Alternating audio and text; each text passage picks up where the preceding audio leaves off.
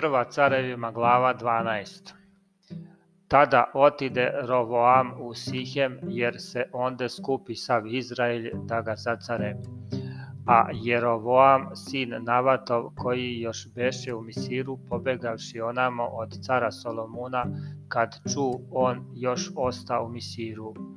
Ali poslaše i dozvaše ga, tako Jerovoam i sav zbor Izraeljev dođoše i rekoše Rovoamu, govoreći, tvoj je otac metnuo na nas težak jaram, nego ti sada olakšaj ljutu službu oca svog i teški jaram koji je metnuo na nas, pak ćemo ti služiti.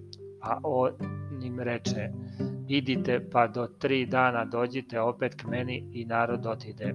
Tada car Rovoam učini veće sa starcima koji stajaše pred Solomunom, ocem njegovim dok beše živ i reče, kako savetujete da odgovorim narodu?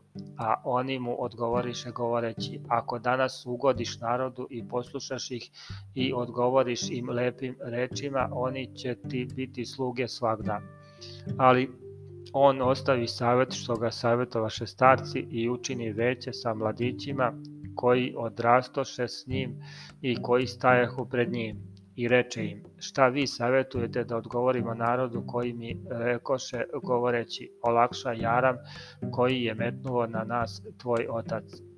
Tada mu odgovoriše mladići koji odrastoše s njim i rekoše, ovako kaži narodu što ti reče, tvoj je otac metnuo na nas težak jaram, nego nam ti olakšaj ovako im reci, moj je mali prst deblji od bedara oca mog Otac je moj metnuo na vas težak jaram, a ja ću još dometnuti na vaš jaram.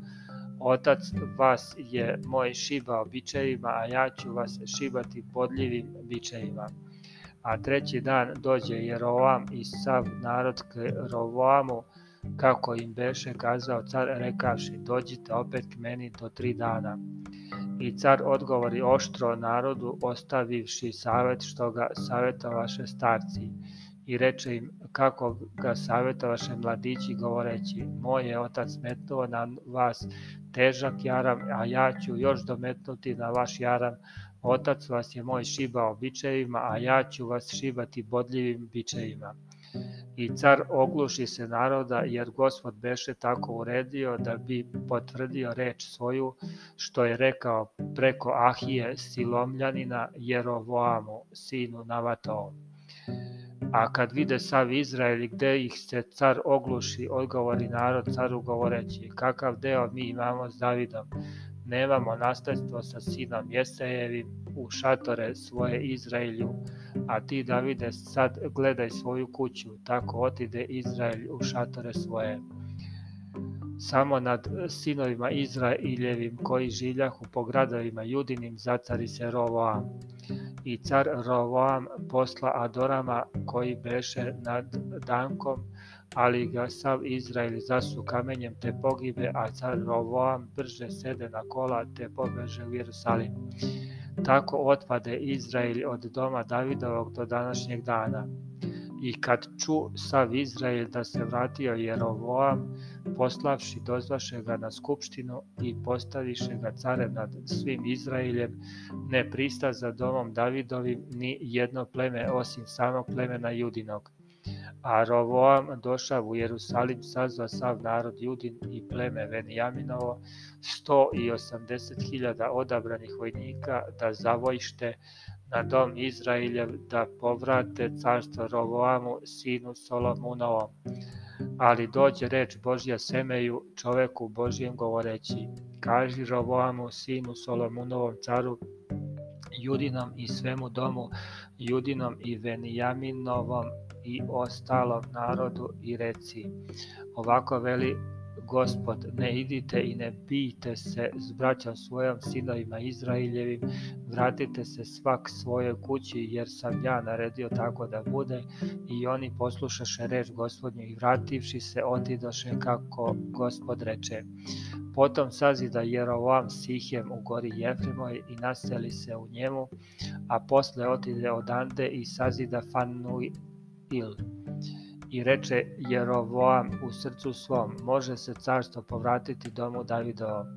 Ako ovaj narod stane ići u Jerusalim da prinosi žrtve u domu gospodnjem, srće će se narodu obratiti ka gospodaru njegovom Rovoamu, caru Judinom, te će me ubiti i povratit će se k Rovoamu, caru Judinom.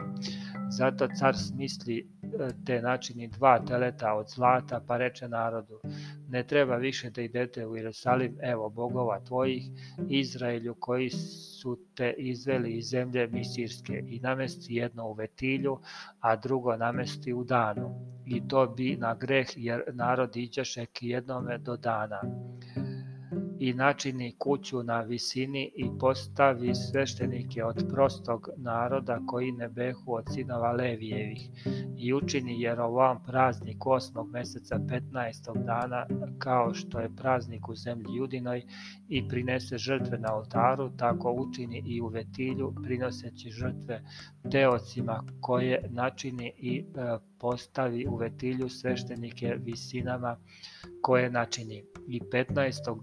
osmog meseca koji beše smislio u srcu svom, prinošaše žrtve na oltaru koji načini u Vetilju i praznovaše praznik sa sinovima Izraeljevim i pristupi ka oltaru da kadi.